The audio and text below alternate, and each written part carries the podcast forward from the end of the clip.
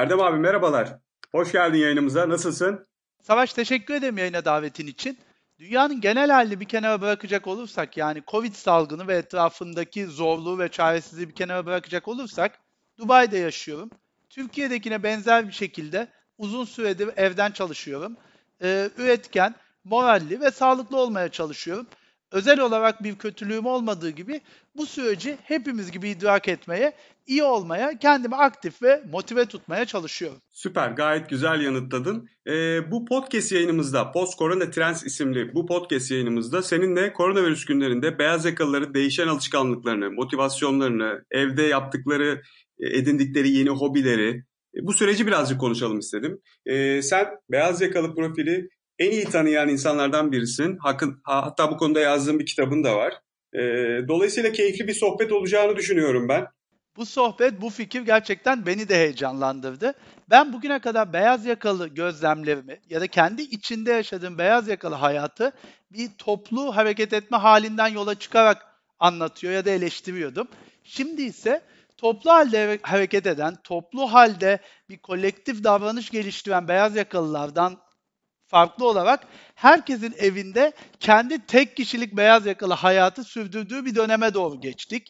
Ee, aynı plazalardan her evin plazaya, her evin ofise dönüştüğü bir noktadayız. Ben de aslında bu sohbetin nereye gideceğini, hangi soru ve cevaplarla bizi hangi tartışmalara doğru sürükleyeceğini merakla bekliyorum. Süper. Ee, dilersen şöyle başlayalım. Şimdi yaklaşık iki aydır evdeyiz. Binlerce beyaz yakalı evde. Hatta yüz binlerce diyebiliriz. Şimdi normalde sürekli yoğun olduğunu bahane ederek bir şeyleri erteleyen bu insanların artık bir sürü zamanı var. Sen hem kendinden yola çıkarak hem de etrafındaki eşinden, dostundan, çevrenden, arkadaşlarından yola çıkarak bu zamanı verimli bir şekilde değerlendirebildiğimizi düşünüyor musun? Bu konuda gözlemlerin neler? Ben böyle başlamak istiyorum. Şimdi ben bu zaman kavramını şöyle sorgulamak istiyorum. Eskiden biz işe giderdik, uyanırdık, üstümüzü değiştirdik, yolda bir saat iki saat vakit geçirirdik. Bir fiziksel olarak iş dediğimiz bir ofise, bir fabrikaya, bir atölyeye ulaşırdık ve çalışmaya ondan sonra başlardık. Şimdi ise bu paradigma tam olarak 180 derece değişti. İş evimize geliyor ve iş bizler gibi yolda hazırlanarak vakit harcamıyor. Gözümüzü açtığımız an iş başlamış oluyor ve nankör bir şekilde tüm hayatımızı ele geçirme eğiliminde uykudan uyanma anımızı, yemek aramızı, kahve aramızı, tuvalet aramızı, ne bileyim durup bir nefes alma anımızı dahi ele geçiren bir iş var. Yani benim sandığımın aksine ya da senin sorduğunun aksine öyle bir uzun boş zamanlar kümesi oluşmadı. Aksine zamanı daha fazla sıkıştıran, az bütün zaman aralıklarına sirayet eden bir iş kavramı oluşmuş oldu. Ben buna bir nevi zaman karmaşası diyorum gerçekten de işe gitmek ya da işten çıkmak sembolik olarak da bir kesme anını ifade ediyormuş. Yani o andan itibaren ben çok acil, çok sıra dışı bir şey olmadıkça işle ilgilenmeyi düşünmüyorum sözünü kendimize ve etrafımıza veriyormuşuz. Şimdi bu keskin başlangıç ve keskin bitiş anlarının olmayışı bence bizleri, ofis çalışanlarını daha zor bir konuma soktu. Zaten daha önceki yıllarda cep telefonumuzun neredeyse bilgisayarımızla yaptığımız tüm işleri yapıyor olması sayesinde ya da yapıyor olması yüzünden işin kesin bir bitiş anını kestiremiyorduk. Şimdi ise evden çalışma bu işi hepten karıştırdı. İşin başlangıç ve bitiş anını kestiremiyoruz. Kendi hayatımız ve iş bir kaos halinde birbirinin içinde yaşamaya devam ediyor. Tabii ki de kimi arkadaşlarım için evde kaldıkları zaman onlar işlerini aynen sürdüremiyor ya da bazı fonksiyonları yapamıyor olabilirler. Boş zaman kazanmış olabilirler. Bu onlar için sevineceğim sonucunu doğurur. Bizler ise iş yerinde genel ofiste bulunduğumuz böyle bir kalabalık telaşlı halden evde bulunduğumuz farklı bir telaşlı hale doğru geçiş yaptık. Ofiste sürekli peş peşe toplantılar, işte insanların birbirleriyle diyalog halinde ya da beyin fırtınası tartışma halinde sürdürdüğü faaliyetlerden kendi başımıza bir yoğunluk yarattığımız telefon, e-mail ya da video konferanslarla dolan bir iş gününe doğru geçiş yapmış olduk. Bazı alışkanlıklar fiziksel olarak bir arada yaşamaktan, bir arada çalışmaktan ötürü o ortama has şekillenmiş alışkanlıklardı. Örneğin aynı ofiste çalışıyor olsaydık senin masanın önünden geçerken Savaş seni görmüşken aklıma şöyle bir konu geldi. 2 dakika bunu konuşabilir miyiz derdim. Ve gerçekten 120 saniye içinde belki o konuyu çözerdik. Şimdi ise 2 dakikalık bir konu için 45 dakikalık bir video konferans gönderiyorum sana.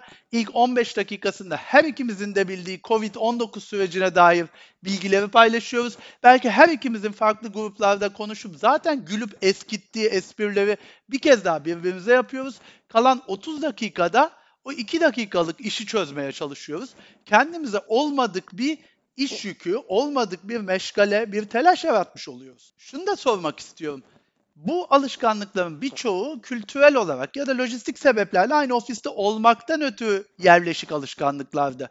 Toplantıları 30 dakika, 45 dakika, ne bileyim 60-90 dakika yapardık genelde. Sen hiç son aylarda 15 dakika süren bir Zoom telekonferansına dahil oldun mu? Hayır. Peki 5 dakika süren? Ee, hayır. Demek ki biz fiziksel olarak bir arada olmanın kültürel dokusunu online bağlantıya da yersiz bir şekilde nakletmeye çalışıyoruz ve bu gereksiz bir karmaşa, gereksiz bir kalabalık ve gürültü yaratıyor diye düşünüyorum. Kesinlikle çok haklısın. Ee, senin anlattıklarından zaman kargaşası ifadesini e, açıkçası çok doğru bir tabir olarak buldum ve bunun üzerinden birkaç bir şey sormak istiyorum aslında sana. Aslında bir sonraki soruma e, bu tabirin üzerinden e, bir soru daha ekleyeceğim. Şimdi bugünlerde e, beyaz yakalı için evde verimli, kaliteli zaman geçirmek belki de e, en önemli misyon, en önemli motivasyon. E, senin söylediklerinden yola çıkarak bunu çok çok iyi yapamadığımızı, bu zaman kargaşasını yönetemediğimizi anlıyorum ben. Hani genel için böyle bir ifade kullandın sen. Peki senin için evde zamanı kaliteli geçirmek, kaliteli zaman geçirmek, verimli zaman geçirmek ne anlama geliyor? Sen zaman karmaşasını, bu kargaşayı nasıl yönetiyorsun? Bu çok iyi bir soru oldu. Çünkü ben de zorlanıyorum bu zamanı yönetmekle ilgili. Bazı arkadaşlarım da zorlandığını görüyor, duyuyor ya da şahit oluyor.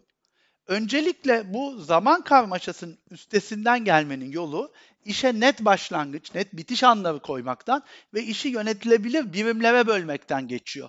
Ee, birisi diğerinin ardına toplantılar koyuyoruz. İşin saat kaçta başladığını, kaçta bittiğini bilmiyoruz ve böyle bir yetişmeye çalışıp halde buluyoruz kendimizi. Ben bundan kaçınmak için kendimce birkaç tedbir almaya çalıştım. Birincisi şunu yapıyorum. Eğer toplantının inisiyatifi bendeyse toplantıyı ona ayrılan sürenin %80'inde bitirmeyi, kalan %20'sinde ise insanlara geri boş vakit olarak e, onlara vermeyi planlıyorum. Mümkün mertebe buna uyduğumda atıyorum 60 dakikalık bir toplantının içinde 12 dakika zaman kazanmış oluyoruz. En azından insanların kendisine bir kahve almasına, bir nefes almasına ya da tuvalet ihtiyacını gidermesine ayırabilecekleri dakikacıklar oluyor. Bunun üstesinden gelmek için başka bir yol daha denedim geçenlerde. O da şu, hmm, kendi özel işlemim için iki gün izin aldım şirketten.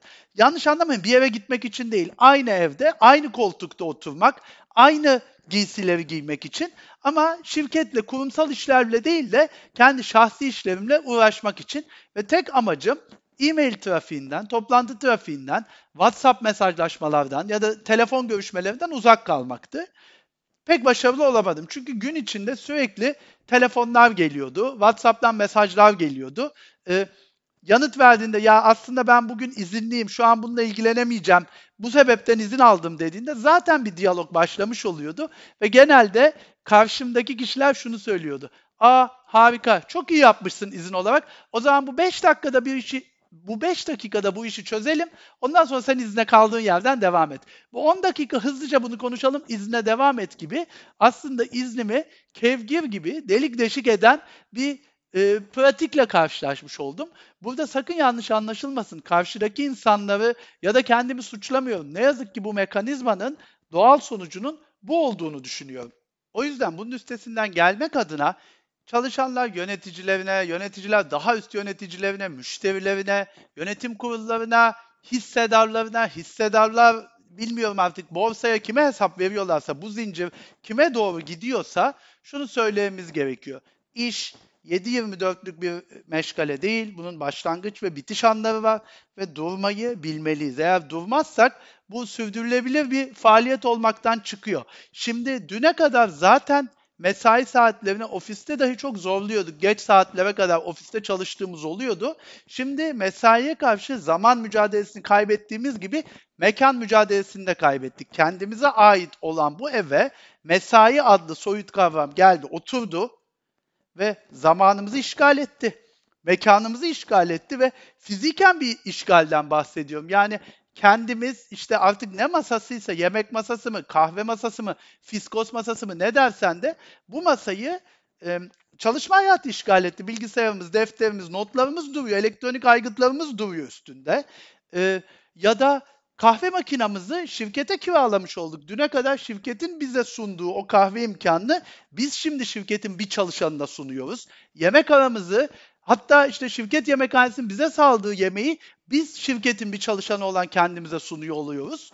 Ve bunlar karşılığında şirketten hiçbir şey talep etmediğimiz gibi şunu bile isteyemez hale geliyoruz. Ya lütfen bu mesai e, limitlerine uysak, lütfen iş bittiğinde evimi çıkıp evimi terk edebilir misin? Beni yalnız bırakabilir misin? Bunu bile yapmayan iştahlı, saldırgan, bana kalırsa nankör bir iş hayatından bahsediyorum. Peki Erdem abi araya girip şunu sormak istiyorum sana. Şimdi gündüz mesailerinden, gündüz mesailerinin yoğunluğundan, işlerin, zamanın e, birbirine karıştığından bahsettin. Bir de bugünlerde hayatımızda akşam mesaileri devam ediyor. Instagram'da devam ediyor. Instagram canlı yayınlarıyla devam ediyor. Herkes Instagram'da canlı yap canlı yayın yapıyor bugünlerde. Sen nasıl değerlendiriyorsun Instagram üzerinde dönen şu an dönen bu hikayeyi, canlı yayınları? Sence bu yayınların ömürleri ne olur? Tabii ki de aralarında çok çok kaliteli işler var. Uzun ömürlü olmasını istediğimiz işler var ama e, yani büyük bir kısmının sanki e, şu günleri, şu akşamları biraz sohbet ederek, muhabbet ederek geçirelim havasında olduğunu da görüyoruz. Ee, çok güzel bir noktaya parmak bastığını düşünüyorum. Çünkü iş hayatının aslında tek başına e, şirketler için ya da kurumlar için bir çıktı üretmek olmadığını, bunun içinde çeşitli sosyalleşmeler olduğunu, iş arkadaşlıkları olduğu, iş çıkışında bir kahve, bir kadeh içki içmek olduğunu, birlikte yemeğe gitmek ya da ne bileyim flörtleşmek olduğunu fark ettik. Sadece biz oraya şirketin faydasına bazı vazifeleri yapmak için gitmiyormuşuz. Çok sevdiğimiz arkadaşlarımız varmış, çok komik anlar yaşıyormuşuz. Farkındaysan bunlardan uzak kaldık ve bunları bir şekilde telafi etmeye çalışıyoruz. Her ne kadar e, işte çeşitli video konferanslarda bunları telafi etmeye çalışsak da niyeyse o mecra yani o video konferans mecrası çoğumuza istediğimiz kakara kikiri ortamı vermedi. Orayı fazla ciddi bulduk. Fazla böyle dikdörtgenlerle sanki ofislerdeki kübiklerdeki gibi bölünmüş bölünmüş bulduk ve orada çok eğlenemedik gibime geliyor. Ve Instagram canlı yayınının sanki işten gelmişiz de iş kıyafetlerimizi üzerimizden çıkarmışız, işte kravatlarımızı atmışız, kadınlar topuklu ayakkabılarını fırlatmış, günlük kıyafetlerimizi giyip spora, bir kadeh bir şey içmeye ya da kahve içmeye gideriz ya. İşte Zoom'dan Instagram'a geçişi de aynı böyle görüyorum ben. Zoom'u ya da Microsoft Teams'i ya da adı Cisco bilmem neyse, adı her neyse onu fazla sıkıcı ve kurumsal bulduk. O bitiyor arkadaşlarımızla konuşmak için Instagram'a giriyoruz. Ben bunu gayet insani bir ihtiyaç olarak görüyorum. Gelelim senin sorduğun üretkenlik ya da sürdürülebilirlik kısmına. E, bunu bilmiyorum. Şundan dolayı bilmiyorum. Birkaç sene önce e, ilk story'yi gördüğümde hayatımda, Snapchat'te yahut bir süre sonra Instagram'da dedim ki dünyada tek bir insan olmamalı ya bu story denilen şeyi paylaşacak. Ve o günden hmm. sonra kendim binlerce kez, dünyadaki insanlar milyarlarca kez bu hikayeyi paylaştı. Yani değişen yeni medya olanakları bize yeni meziyetler e, kazandırıyor olabilir. Artık sokaktan geçerken ya da evde otururken bir ana baktığımızda kafamız şöyle çalışıyor olabilir. Bu anı ben çıplak olarak gözlerimle yaşayayım bitsin mi? Bundan telefonumda saklamak üzere bir hatıra fotoğrafı mı çıkar? Bundan Instagram'da bir story mi çıkar? Bundan Instagram'da bir post mu çıkar? Bundan bir tweet mi çıkar diye beynimiz anları öyle kodluyor açıkçası. Belki de şu andan itibaren şöyle düşüneceğiz. Ya şu an çok tatlı bir sohbet yapıyoruz evde.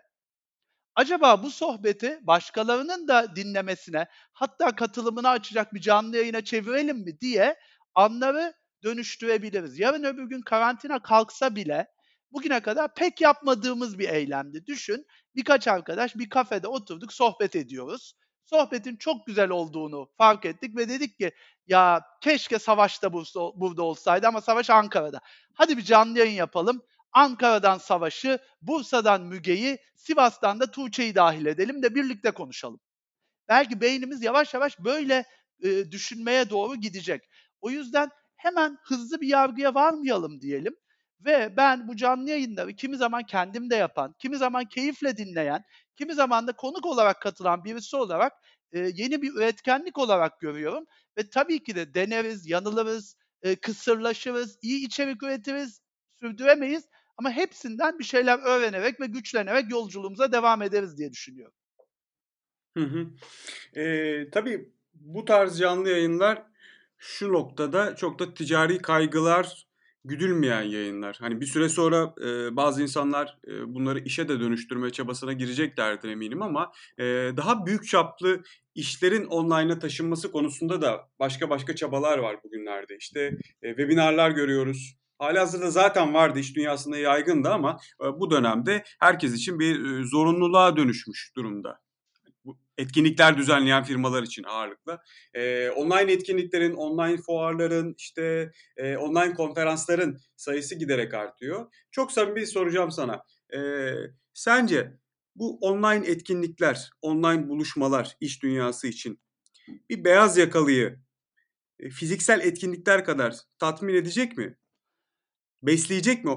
En azından orta vadede e, bir gelişim kaydetmesine, aşama kaydetmesine, e, işle ilgili beslenmesine fayda getirecek mi? Sen nasıl buluyorsun?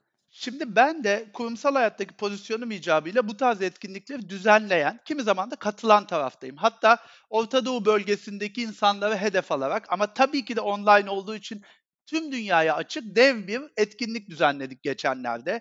İçinde keynote konuşmaların olduğu, e, sektörel tartışmaların olduğu, teknoloji tartışmalarının olduğu, işte networking yapma olanağının olduğu gibi bir deneyim tasarladık. Ve bu deneyimden oldukça olumlu sonuçlar ama daha da önemli öğrenimler elde ettik. Birincisi şu, mevcut fiziksel düzlemdeki bir şeyi online'a taşımaya çalışmak çok doğru olmayabilir. Sohbetin başında da söyledik.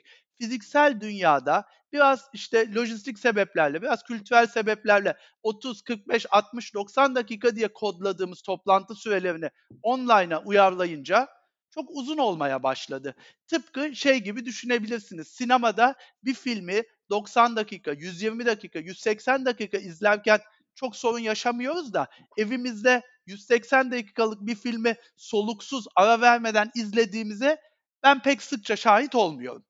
Demek ki her ortam, her mecra, her medya kendi kurallarını yaratıyor olabilir. Eğer biz webinar ya da online bir toplanma e, sergileyeceksek bunu eskiden kalan kültürel alışkanlıklarıyla kültürel alışkanlıklarla değil de yeni medyaya, yeni anlayışa, online'a uygun kodlarla dizayn edersek başarı olasılığımız artar diye düşünüyorum.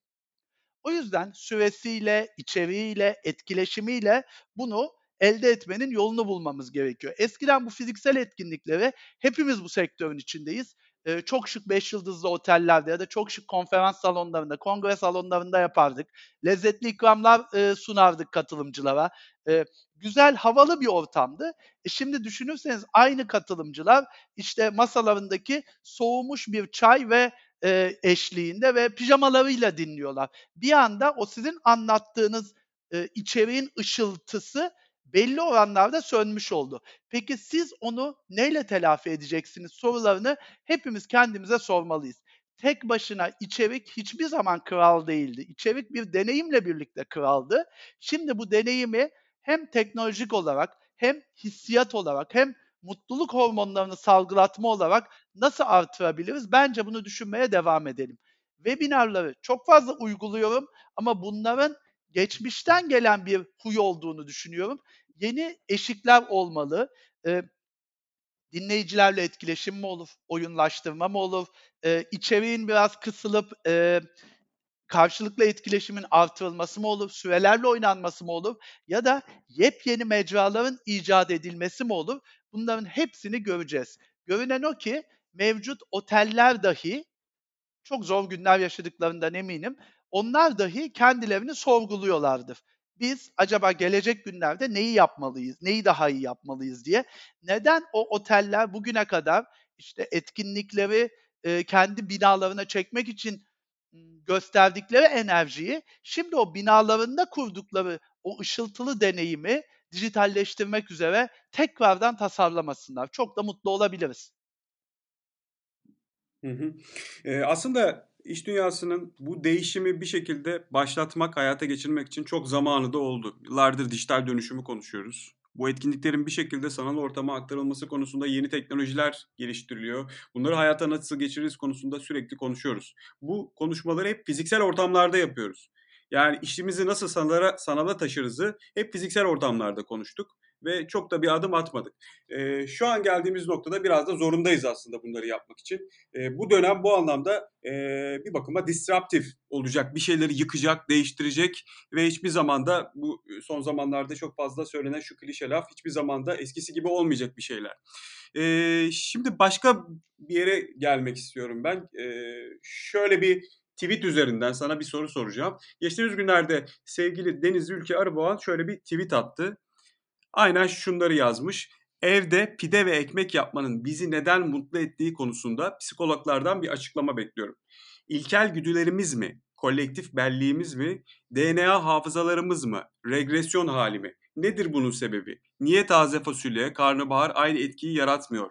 Erdem abi, sahi evde ekmek yapabildiğini cümle aleme ilan etmek için insanımız neden bu kadar kendini yırtıyor, bağırıyor, paylaşımlar yapıyor? Senin bu konuda bir kesin bir düşüncen, fikrin vardır. Bunu bu noktada sormak istedim sana. Şimdi tabii ki de Profesör e, Deniz Hanım'ın çözemediği bir e, soruyu bir e, sesli kayıt ortamında çözebileceğimi iddia etmek benim haddimi aşmam olur. Ama fikrimi şöyle beyan etmek zorunda e, kalırsam, sanki ekmeğin insanlık tarihinde yani ekmeği biraz daha granüler parçalarına ayırırsak öncesinde un ve un öncesinde tahılın insanlık tarihindeki simgesel e, etkisinden bahsetmek gerekiyor. E, insanların e, yerleşik yaşama geçişini simgeliyor buğdayı evlerinin önünde yetiştirebilmeleri. E, ve bu buğdaydan unu, undan ekmeği pişirmeleri aslında bir medeniyet eğrisinde bence evrimsel olarak hepimizin zihninde önemli bir şey yer edinmiş ki biz ailesini geçindiren kişilere ekmeğini kazanıyor diyoruz. Ispanağını kazanıyor, karnabaharını kazanıyor ya da e, muzunu kazanıyor demiyoruz. Ve gerçekten e, eve ekmek getiriyor diyoruz ve ben bunu e, sadece Türkiye'de kullanıldığını zannederken e, geçenlerde bir İngilizce e, sohbet sırasında bir arkadaşım ben ailenin ekmek kazananıyım dedi İngilizce. Hiç Türkiye ile ilgisi olmayan, Türkiye'den yolu geçmemiş birisi. Demek ki bu ekmek kelimesi, ekmek kavramının e, farklı bir yeri var e, kültürlerde ve bu ekmeği elde edebilmek dışarıya şu mesajı veriyor olabilir. Ben hala yıkılmadım. Ben ayaktayım. Üretebiliyorum. Hayatımı sürdürebiliyorum. Ben hala temel ihtiyaçlarımı giderebiliyorum mesajı olduğunu düşünüyorum. Ve bunu tekrar söylüyorum. Ben de seve seve paylaş, e, pişirdiğim yemekleri kimi zaman sosyal medyaya paylaşıyorum. Ekmek pişirmedim henüz ama e, ekmek pişirebilme ya da ekmek üretebilmenin diğerlerinden farklı bir hazza sahip olduğunu gerçekten idrak edebiliyorum. E, bu bir yandan şunu da gösteriyor olabilir. Yine varsayımlarda bulunacağım. E, biz modern hayata e, dair e, meziyetlerimiz oldukça gelişmiş. Biz beyaz yakalıların, plaza çalışanların, eğitimli, kentli kesimin modern hayata dair e, araçları kullanma meziyetleri çok gelişmiş. Hatta şu an bu kaydı yaptığımız uygulamanın ismini belki bir saat önce ikimiz de hiç duymamıştık. Bir saat içinde bu uygulamayı öğrendik, üyelik açtık, kaydolduk ve iki farklı ülkeden bir beyin fırtınasını bunun üzerinde gerçekleştirebiliyoruz. Bu oldukça hızlı bir öğrenme eğrisiyken bundan önceki nesiller için çok temel bilgi olan bazı tarım, ev ekonomisi, yemek pişirme meziyetlerinde de bir o kadar iyi değiliz aslında. Ben sıklıkla hatırlarım, babam beni hep eleştirirdi çocukken. İşte bir bitkinin yaprağını gördüğümde o bitkinin hangi bitki olduğunu tanımadığımdan ötürü gerçekten de bu meziyetlerimizin eskisi kadar iyi olmadığını düşünüyorum. Şimdi bu eve kapandığımız dünyada bence kendimize ve diğer eski nesillere bir meydan okuyuş. Sandığınız gibi biz sadece bilgisayar çocuğu değiliz. Biz gerekirse en temel insani ihtiyaç olan ekmeği dahi sıfır noktasından üretebiliyoruz meydan okuyuş olduğunu düşünüyorum. Ekmek ya da Instagram'dan canlı yayın yapmak gibi bugünlerde evde kaldığımız günlerde bir diğer trendi aktivitemiz evden evde spor yapmak. Herkes işte matını alıyor, işte efendim matı olmayan e, evin bir köşesine geçiyor, müzik açıyor. E, işte e, bir takım uygulamalar var, platformlar var. E, spor salonlarının online online'a taşıdığı, e, sosyal medya üzerinden yaptığı yayınlar var. E, takip ettiğim kadarıyla sen de evde bayağı spor yapıyorsun. Hatta geçenlerde e, yani sen yaptıktan sonra ben de denedim ama e, pek olmadı. Evde bir 10K koşun var. Yani herhalde uzun bir koridorum var diye tahmin ettim. Hani o kadarını göremiyoruz yayında ama e, aslında beyaz yakalı çalışanlar da bu dönemde evdeyken benzer şekilde senin gibi, benim gibi bir şeyler deniyorlar evde. Spor yapmaya, zinde kalmaya çalışıyorlar, çabalıyorlar, yapmak zorundalar bir anlamda. E, fakat ben şöyle düşünüyorum. Bir taraftan da bu insanlar normalde spor salonlarına bir dünya para saçıp işte ayda yılda 40 yılda bir e, spor salonuna giden insanlar. E, sürekli üye üyelik ücretleri ödemelerine rağmen. E, bu ironik bir tablo bence. Bu sana ne düşündürüyor? E, ya bu süreç e, bir bakıma normale döndüğünde, e, insanlar sokağa çıkmaya başladığında, ofislerine, işlerine gitmeye başladıklarında e, spor salonlarına eskisi kadar rağbet olmayacağını düşünüyoruz. Çünkü hijyen hep aklımızın bir köşesinde olacak. Sistem nasıl e, normale dönecek? Çok çok e, iyi bir konuya giriş yaptık. Öncelikle şunu söylemek istiyorum. E, benim bu evin içinde konu koşu yapmama olan e, eğilim, ilhamım e, sevgili dostum doçent doktor Itver Hart'ın bir paylaşımından geldi. E, o da bir e, bir koşu grubunun e, ve adım adımın yani bir sosyal e, e, sosyal sorumluluk e, kurumu olan adım adımın da katıldığı bir inisiyatifle evin içinde koşabilir miyiz? Hatta kendisi maraton koştu. 42 kilometre koştu evinin içinde. Ve ben de buradan ilham alarak dedim ki ben de bunu yapabilir miyim? Ee, çok uzun bir koridorum yok. Salonumu böyle diagonal e, koşup koridoru da ekleyince 12,5 metre ediyor. E, git dön 25 metre. İşte bunu 400 kere yapınca da 10 bin e, metre yani 10 kilometre ediyor. E, eğlenceli bir deneyimdi bu. Aslında kendim biraz da e, ve şimdi İstanbul Büyükşehir Belediyesi'nin de buna başladığını gördüm. Evde koşmayla ilgili e, özel bir e, inisiyatif başlattılar ve yüz binlerce kişinin de kaydolduğunu gördüm. E, oldukça yani Spor AŞ'nin İstanbul Büyükşehir Belediyesi bünyesindeki çok hoş bir girişimi. Bence yine burada neyi öğrendiğimize bakmalı.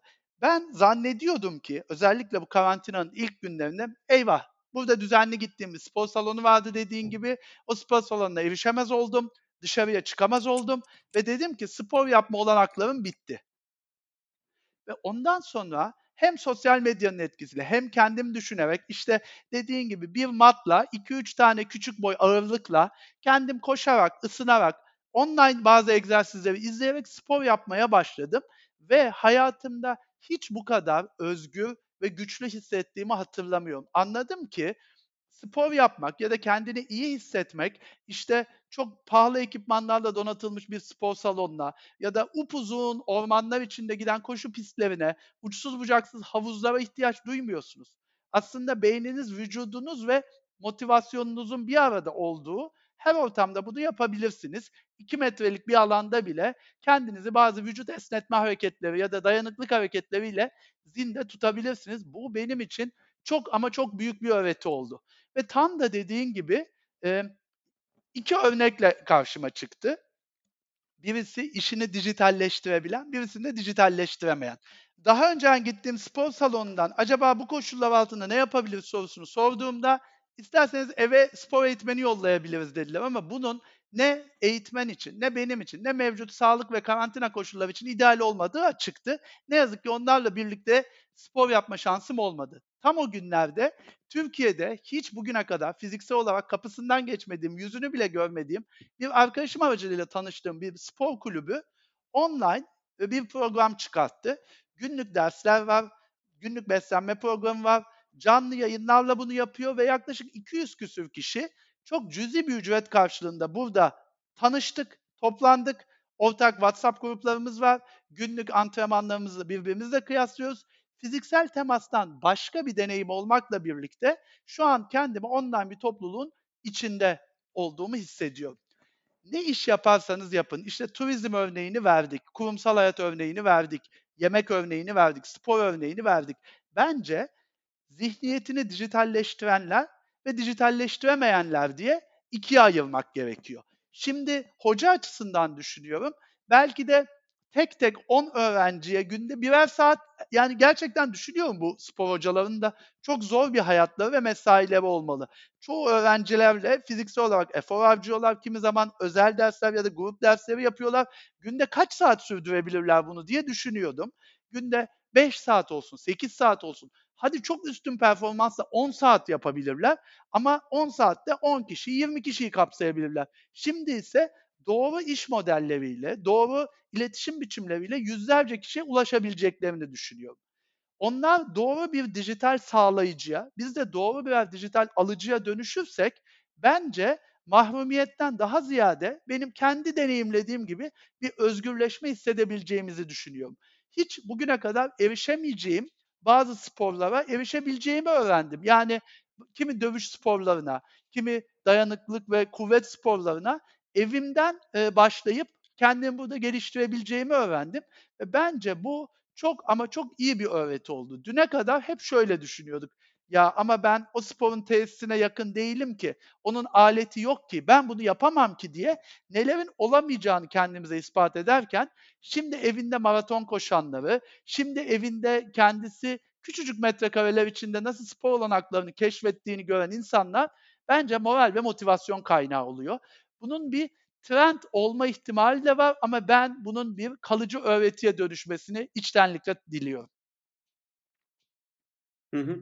Eee, bu dönem senin de bahsettiğin gibi aslında zihinsel değişim açısından eee, bu sektörde yani bu spor eee, endüstrisi de ya da fitness salonları sektöründe diyeyim eee, ilham verici olmalı. Bir şekilde insanlar o oradaki hizmet verenler eee, bu zihinsel değişimi zihinsel değişimden kendilerine bir pay çıkarmalılar diye düşünüyorum. Hani ama şu ana kadar benim gördüğüm bu taraftaki e, değişim e, son derece sınırlı. E, bir takım şeyler deneniyor, yeni iş modelleri deneniyor ama onlar e, spor aletlerini, kondisyon bisikletlerini e, evlere kiralamaktan öteye geçmiyor gibi görünüyor biraz o zihinsel değişime kulak kabartması lazım. Sadece e, spor endüstrisi için değil, diğer tüm geleneksel sektörler için de e, dijital tarafta ne var? İnsanların zihninde ne var? İnsanlar ne istiyor? ne, ne ile motive oluyorlar? Biraz buna bakmaları lazım diye düşünüyorum. E, yavaştan toparlayacağız. Biraz tekrar e, iş dünyasına doğru e, dönsün istiyorum sohbet.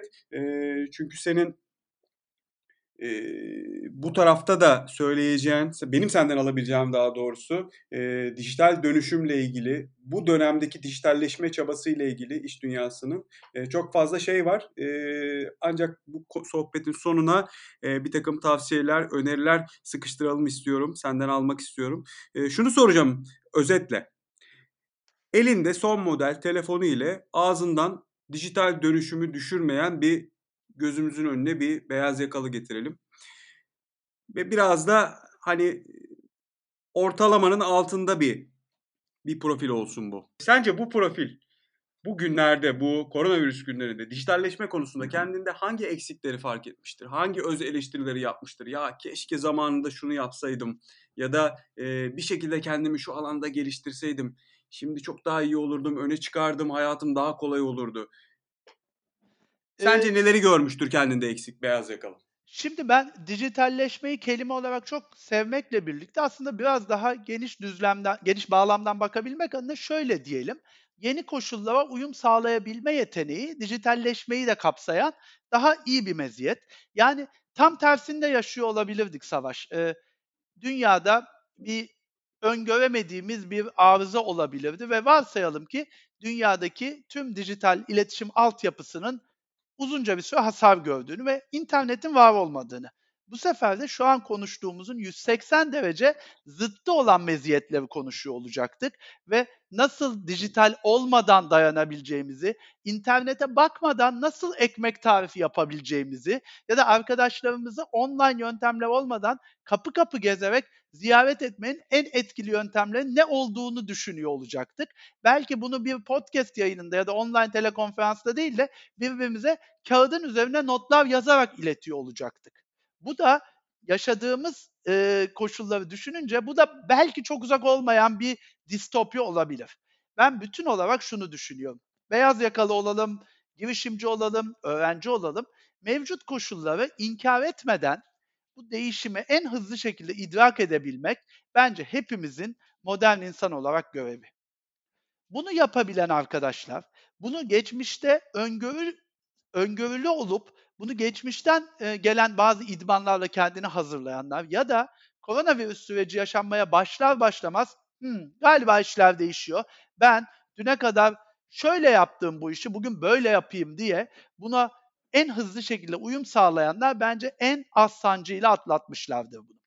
Yani e, şunu söylemeye çalışıyorum. Öğrenmeyi, iletişim halinde kalmayı, üretken kalmayı, sağlıklı kalmayı hangi kaynaklardan besleneceğini bulan beyaz yakalılar ayakta kalmıştır. Şu an çağımızda hiç olmayan bir e, dilemmayı yaşıyoruz. Düne kadar bir şeylere hep istiyorduk, erişmek istiyorduk, elde etmek istiyorduk ama sahip olamıyorduk. Çocukluğum eminim senin de öyledir. Ee, annemden babamdan istediğim ama alamadığım kitaplar, oyuncakların e, hüzünleriyle dolu. Şimdi ömrümün sonuna kadar hatta tüm dünyanın ömrünün belki sonuna kadar izleyemeyeceğimiz kadar çok film, okuyamayacağımız kadar çok kitap, dinleyemeyeceğimiz kadar çok müzik ücretsiz şekilde elimizin altında. Şu an artık neyi tercih ettiğimiz değil, neyi tercih etmediğimiz, kulaklarımızı neye tıkadığımız bizi biz yapan değerler olmaya başladı. O yüzden burada yalınlığı, kendi özgün seyahatini seçen beyaz yakalılar, kişiler, kurumlar çok daha huzur dolacaktır diye düşünüyorum. Ben spor yapamıyorum yemek yerine. Ya ben evde kaldığım zaman spor yaptığımda çok iyi hissetmiyorum.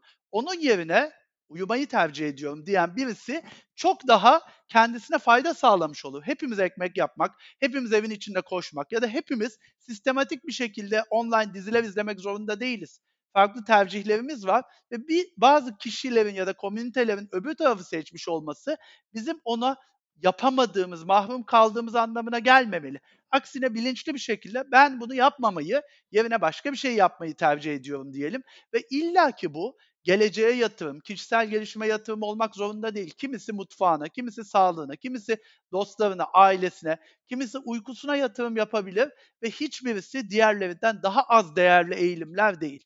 Benim naçizane kendime ve kendim gibi düşünen arkadaşlara tavsiyem bu kapalı kalma halini kendimizi tanıyarak geçirirsek bence hem dijitalleşmede hem gelecek gündeme hazır olmada hem de yeni koşullara uyum sağlayabilme konusunda çok çok güçlenmiş oluruz. Erdem abi çok teşekkür ediyorum. Çok çok güzel bir sohbet oldu. Yine ilham verdin. Bence çok da keyif verecek dinleyicilere bu sohbet. Çok teşekkür ediyorum bu yayın için. Bu yayına bağlandığın, katıldığın, benimle sohbet ettiğin için. Ben çok teşekkür ediyorum. Gerçekten de seninle bu beyin fırtınalarını sıkça yapmaya çalışıyoruz. Yüz yüze yapardık eskiden. Yazılı olarak yapıyoruz arada. Kimi zaman dergi sütunlarında yapıyoruz. Şimdi bir podcast ortamında yaptık. Benim için de çok etkileyici, ilham verici bir diyalog oldu. Beni konuk aldığınız, bu olanağı sağladığınız için teşekkür ederim. Umarım daha sağlıklı günlerde şu an konuştuğumuz konuların daha öte, daha ileriki adımlarını birlikte konuşmaya fırsatımız olur. Çok ama çok teşekkürler. Harika. Görüşmek üzere.